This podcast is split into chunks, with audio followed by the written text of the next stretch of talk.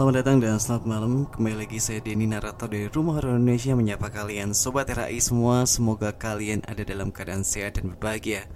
Pada malam hari ini saya akan membacakan cerita-cerita yang ditulis oleh Navi Seorang novelis dari Novel Tun Yang linknya akan saya berikan di deskripsi Sehingga kalian bisa baca juga cerita yang lain dan juga support penulis.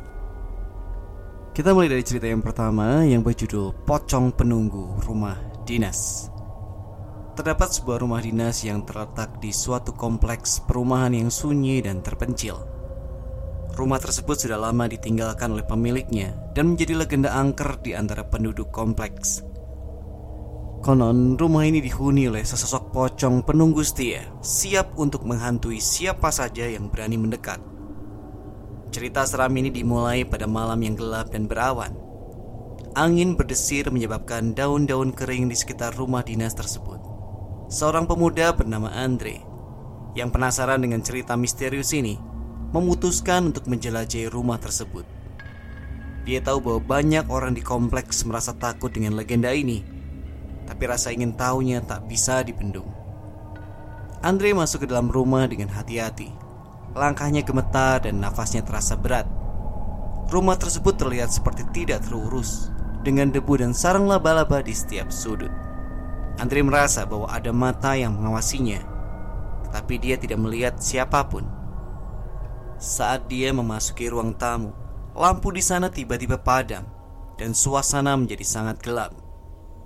Hanya suara langkah kakinya yang terdengar saat dia berusaha mencari saklar lampu. Namun, sebelum dia bisa menyalakan lampu, dia merasakan sentuhan dingin di punggungnya. Andre berbalik cepat dan berteriak. Di depannya, dia melihat sesosok pocong yang mengambang dengan lambaian yang angker. Wajah pocong itu tertutup kain kafan putih dan matanya berbinar merah seperti bara api neraka. Andre merasa ngeri, sekaligus terpaku oleh kehadiran yang tidak manusiawi ini. Pocong itu perlahan-lahan mendekati Andre, dan tiap langkahnya terdengar seperti langkah kematian yang tak terhindarkan. Andre mencoba untuk berlari, tapi kakinya tidak mau bergerak. Sepertinya pocong itu memiliki kekuatan supranatural yang mengikatnya. Saat pocong itu semakin mendekat, Andre mencoba berbicara. "Siapa kamu? Apa yang kamu inginkan?" Namun pocong hanya mengeluarkan suara serak yang membuat bulu kuduk Andre merinding. Tiba-tiba, semua lampu di dalam rumah tersebut menyala dengan sendirinya Andre melihat sekelilingnya dan menyadari bahwa ada lebih dari satu pocong di dalam ruangan itu. Mereka semua mengambang dengan gerakan yang sama, seolah-olah mereka adalah roh-roh penunggu yang tidak bisa ditolak. Pocong-pocong itu semakin mendekati Andre, dan dia merasa terjebak di tengah-tengah mereka. Mereka terus bergerak lebih dekat dan lebih dekat, hingga Andre merasa tak ada jalan keluar. Tiba-tiba, salah satu pocong itu mengulurkan tangannya dan menyentuh dahi Andre. Sensasi dingin yang mengerikan melanda seluruh tubuhnya dan dia merasa kesadarannya mulai memudar. Pocong itu tampaknya mencoba untuk mengambil nyawanya. Namun, sebelum Andre benar-benar kehilangan kesadaran, dia mendengar suara-suara yang mengucapkan mantra-mantra kuno. Suara-suara itu semakin keras dan menggema di dalam rumah tersebut. Pocong-pocong itu tampak terganggu oleh suara-suara itu dan mereka mulai mengambang mundur. Suara-suara itu semakin kuat dan tiba-tiba semua pocong menghilang seolah-olah mereka tak pernah ada. Andre terduduk lemas di lantai, masih terengah-engah oleh pengalaman mengerikan yang baru saja dia alami. Setelah beberapa saat, Andre akhirnya bisa berdiri dan keluar dari rumah itu. Dia tahu bahwa dia telah mengalami sesuatu yang tak bisa dijelaskan dengan sains. Dia yakin bahwa pocong-pocong itu adalah roh-roh penunggu yang benar-benar ada di rumah dinas tersebut. Andre melaporkan pengalamannya kepada penduduk kompleks, tapi tidak ada yang percaya padanya. Mereka menganggapnya sebagai cerita bohong atau imajinasi yang berlebihan. Namun Andre tahu bahwa apa yang dia alami adalah kenyataan yang mengerikan. Sejak saat itu, dia tidak pernah lagi mendekati rumah dinas tersebut dan dia berharap bahwa pocong-pocong itu akan terus tinggal di sana, menjauh dari manusia-manusia yang tak sengaja mengganggu rumah mereka. Namun cerita seram ini tidak berakhir di sana. Legenda tentang rumah dinas yang dihuni oleh pocong terus berlanjut, dan banyak orang masih merasa takut untuk mendekatinya. Semua yang melihatnya dari luar hanya bisa merasakan kehadiran yang mengerikan di dalam rumah tersebut, seolah-olah roh-roh penunggu itu masih setia menjaga rumah mereka hingga hari ini. Seiring berjalannya waktu, legenda rumah dinas yang dihuni pocong terus berlanjut di kompleks perumahan tersebut. Walaupun banyak penduduk yang mencoba menghindari rumah tersebut, Rasa penasaran dan ketakutan terhadap misteri yang mengitari rumah itu tidak pernah surut. Beberapa orang bahkan mencoba melakukan penyelidikan lebih lanjut, meskipun hasilnya selalu menakutkan. Salah satu penduduk kompleks yang tidak bisa menahan rasa penasaran adalah Sarah. Dia adalah seorang wanita muda yang selalu tertarik dengan hal-hal yang berbau misteri dan supranatural. Cerita tentang rumah dinas yang dihuni pocong telah menghantuinya sejak dia pindah ke kompleks tersebut. Dia merasa bahwa dia harus mencari tahu kebenarannya, meskipun resikonya besar.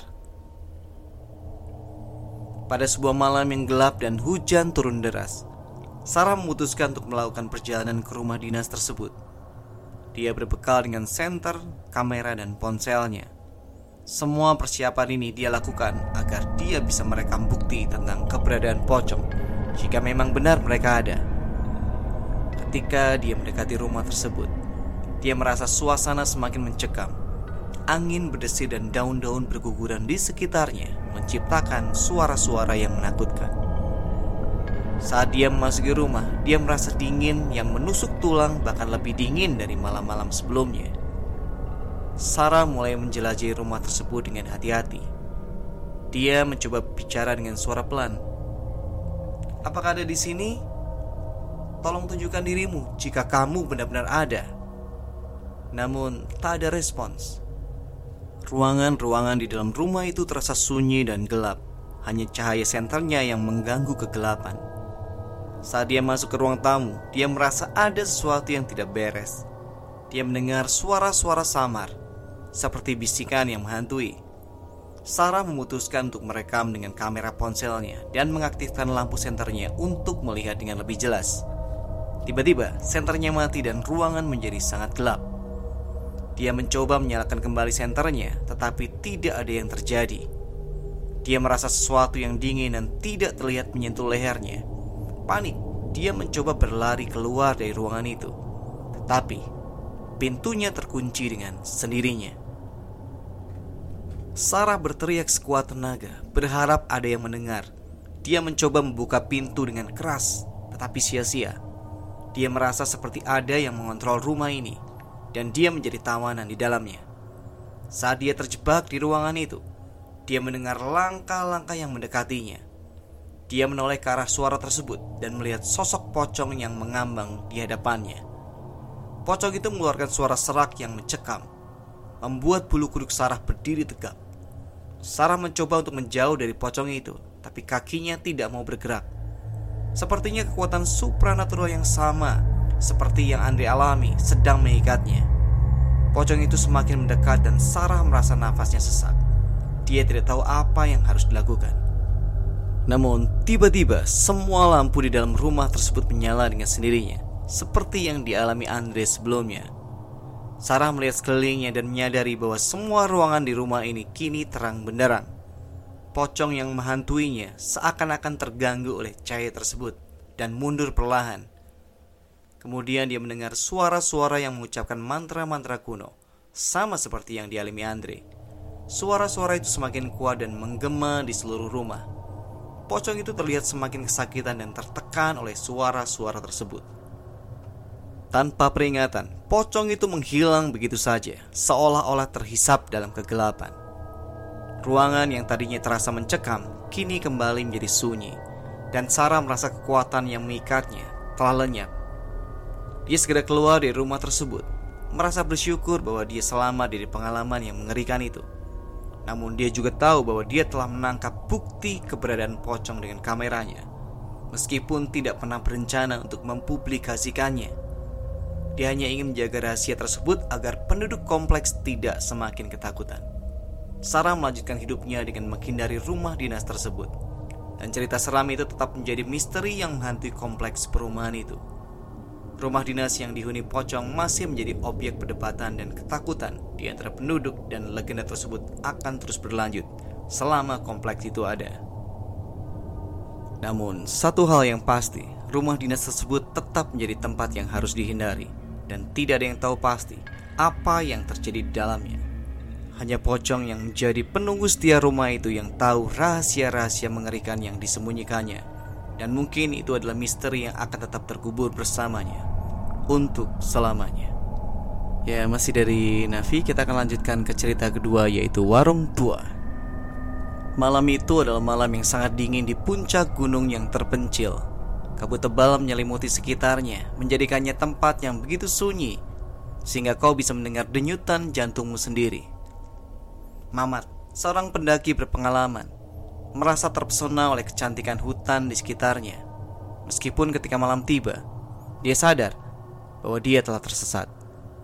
Dia mencoba menyalakan ponselnya, tapi tidak ada sinyal.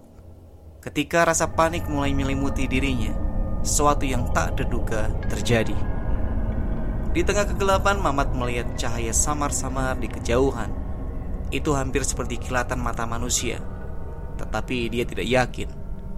Mamat memutuskan untuk mengikuti cahaya itu. Satu-satunya petunjuk yang dia miliki dalam situasi yang begitu gelap. Semakin dekat dia mendekati cahaya itu, semakin jelas tampaknya bahwa itu cahaya dari sebuah warung kecil. Warung itu tampak tua dan usang, seperti sesuatu yang hilang di masa lalu. Ketika dia memasuki warung, dia merasa seolah-olah dia telah terperangkap dalam waktu. Di dalam warung itu sangat berbeda dari yang dia harapkan. Ini terasa seperti langit yang luas dengan bintang-bintang terpampang di langit malam dan tanah berbentuk seperti hutan yang sangat rimbun. Di balik meja kayu tua, seorang wanita tua dengan rambut putih panjang dan mata yang bersinar duduk. Dia tersenyum pada Mamat dan menyambutnya. Selamat datang anak muda, katanya dengan suara yang lembut. Kau tampak lelah. Duduklah, pesanlah sesuatu. Mamat yang kelelahan dan bingung mengikuti saran wanita itu dan duduk di meja kayu yang terasa ajaib. Dia memesan secangkir teh dan ketika minuman itu tiba, rasanya begitu hangat dan membangkitkan semangat. Wanita itu melanjutkan dengan ramah. Kamu mungkin bertanya-tanya, bagaimana kau bisa sampai di sini? Mamat mengangguk sambil menyeruput tehnya. Iya, saya tersesat. Tapi bagaimana mungkin ada warung di tengah hutan yang begitu terpencil seperti ini? Wanita itu tersenyum lagi. Warung ini memiliki caranya tersendiri untuk menemukan mereka yang tersesat dan membutuhkan tempat untuk beristirahat. Tapi tentu saja ada harga yang harus dibayar. Mamat merasa ada sesuatu yang aneh tentang warung ini, tapi dia terlalu lelah untuk memikirkannya lebih lanjut. Dia bertanya, Berapa lama saya harus tinggal di sini? Wanita itu hanya tersenyum dan tidak menjawab pertanyaan Mamat. Seolah-olah waktu telah kehilangan makna di dalam warung ini. Mamat tidak tahu berapa lama dia telah berada di sini. Waktu berlalu dengan cara yang aneh, seperti sangat cepat. Dan Mamat merasa dia telah menjadi bagian dari warung ini. Selama waktu yang dihabiskan di warung, dia mulai mendengar cerita aneh dari wanita itu cerita tentang hutan ini yang penuh dengan makhluk-makhluk gaib, tentang orang-orang yang hilang selamanya di dalamnya, dan tentang warung ini yang muncul untuk menyelamatkan mereka. Cerita-cerita itu semakin menambah rasa takut dan ketidakpastian Mamat. Malam berganti siang, siang berubah malam, dan Mamat terus mencoba keluar dari warung ini, tapi selalu gagal. Ketika dia mencoba keluar, dia selalu kembali ke meja di mana dia duduk tadi. Seolah-olah warung ini memiliki kekuatan gaib untuk menjaga orang tetap di dalamnya. Mamat merasa semakin kehilangan akal sehatnya. Dia tahu bahwa dia harus mencari cara untuk melarikan diri dari warung ini, tapi setiap upaya dia berakhir dengan sia-sia. Dia merasa seperti wanita itu yang tampaknya tidak menua memiliki kendali atas nasibnya. Suatu hari ketika dia sedang merenung, dia melihat sesuatu yang mengejutkan. Di kejauhan dia melihat sekelompok pendaki yang tampaknya juga tersesat. Mereka sedang mendekati warung ini, tertarik oleh cahaya yang samar-samar yang menyinari langit malam. Mamat berteriak ke arah mereka, berteriak untuk memperingatkan mereka tentang bahaya yang mengintai. Namun tiba-tiba dia melihat sesuatu yang membuatnya berhenti. Dia melihat wajah mereka dan terkejut melihat bahwa mereka adalah teman-temannya yang telah hilang beberapa waktu. Malam itu, ketika Mamat melihat teman-temannya yang telah hilang, dia merasa kebingungan dan ketakutan. Mereka tidak terlihat seperti teman-temannya dahulu. Mereka tampak tenang, wajah mereka tanpa ekspresi, dan matanya kosong seolah-olah mereka telah kehilangan semua emosi dan identitas mereka. Teman-temannya hanya tersenyum padanya, bukan senyuman yang ramah, tapi senyuman yang aneh dan menakutkan. Mamat mencoba berbicara dengan mereka, mencoba membangkitkan kenangan masa lalu, tapi tidak ada tanggapan. Mereka hanya duduk di sekitar meja kayu di dalam warung, seperti dikendalikan oleh sesuatu. Wanita tua itu kembali muncul dan kali ini dia berbicara dengan nada yang dingin dan tak terkatakan. Mereka telah menjadi bagian dari warung ini, seperti dirimu anak muda. Mereka telah membayar harga mereka. Mamat merasa jantungnya berdebar keras. Dia tidak ingin teman-temannya terjebak di dalam warung ini seperti dia. Dia merasa bertanggung jawab untuk mencari jalan keluar untuk mereka semua. Dengan tekad yang kuat, dia kembali mencoba untuk mencari jalan keluar. Setiap hari dia mengamati teman-temannya yang tidak ada ekspresi apa-apa. Dan setiap hari dia mencoba mencari celah yang mungkin mengarah ke kebebasan.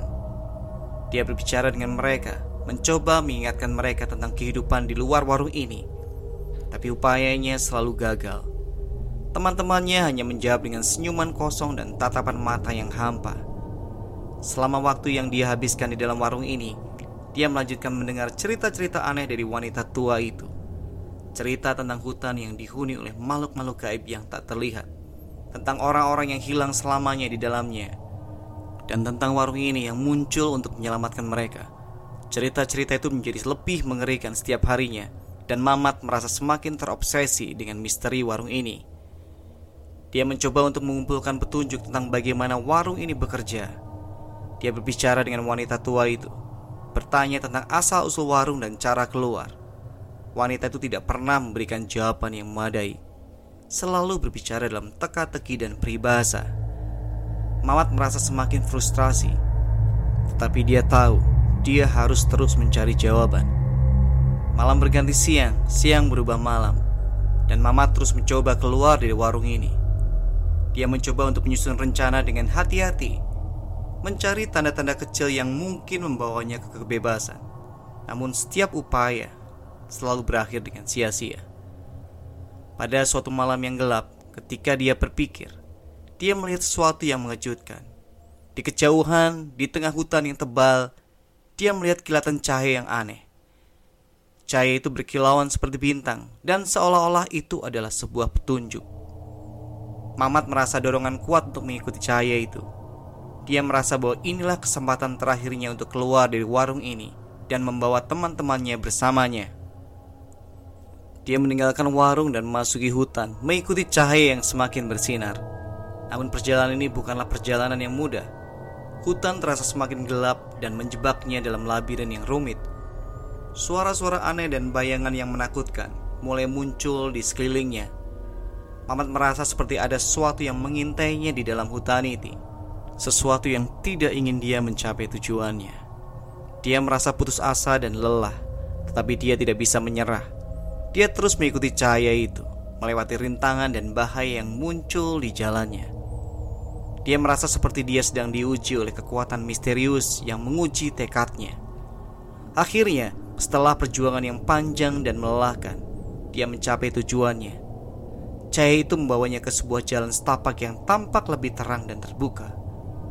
Mamat melangkah maju dengan hati berdebar dan ketika dia melihat ke belakang, dia terkejut melihat bahwa warung itu tiba-tiba menghilang, meninggalkan hanya hutan yang gelap dan sunyi. Mamat merasa lega dan bahagia. Dia tahu bahwa dia telah berhasil melarikan diri dari warung misterius itu dan menemukan jalan keluar. Namun dia tidak bisa merasa senang sepenuhnya. Dia merasa sedih dan bersalah karena teman-temannya yang masih terjebak di dalam warung itu.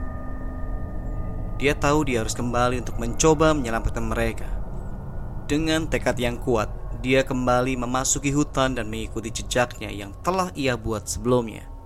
Dia tahu bahwa dia harus membawa teman-temannya keluar dari warung itu, tidak peduli apa pun yang menghadangnya. Mamat berjalan melewati hutan yang gelap dan berbahaya, dan akhirnya dia kembali tiba di depan warung yang misterius. Namun ketika dia masuk, dia mendapati bahwa teman-temannya sudah tidak ada lagi di sana. Warung itu sepi seperti warung yang telah lama tidak terurus dan wanita tua yang misterius itu juga menghilang. Mamat merasa bingung dan terkejut dia mencari-cari teman-temannya, tapi mereka telah hilang tanpa jejak. Dia merasa sedih dan terpukul, tapi dia juga merasa lega karena berhasil melarikan diri dari warung itu. Sejak hari itu, Mama tidak pernah lagi mendaki gunung atau menginjakkan kaki di dalam hutan yang terpencil. Dia tahu bahwa di suatu tempat di dalam hutan itu, warung misterius itu mungkin saja menunggunya kembali. Ya itu adalah akhir dari cerita-cerita horor kita di malam hari ini. Semoga kalian terhibur. Sampai ketemu di cerita berikutnya. Selamat malam. Selamat beristirahat.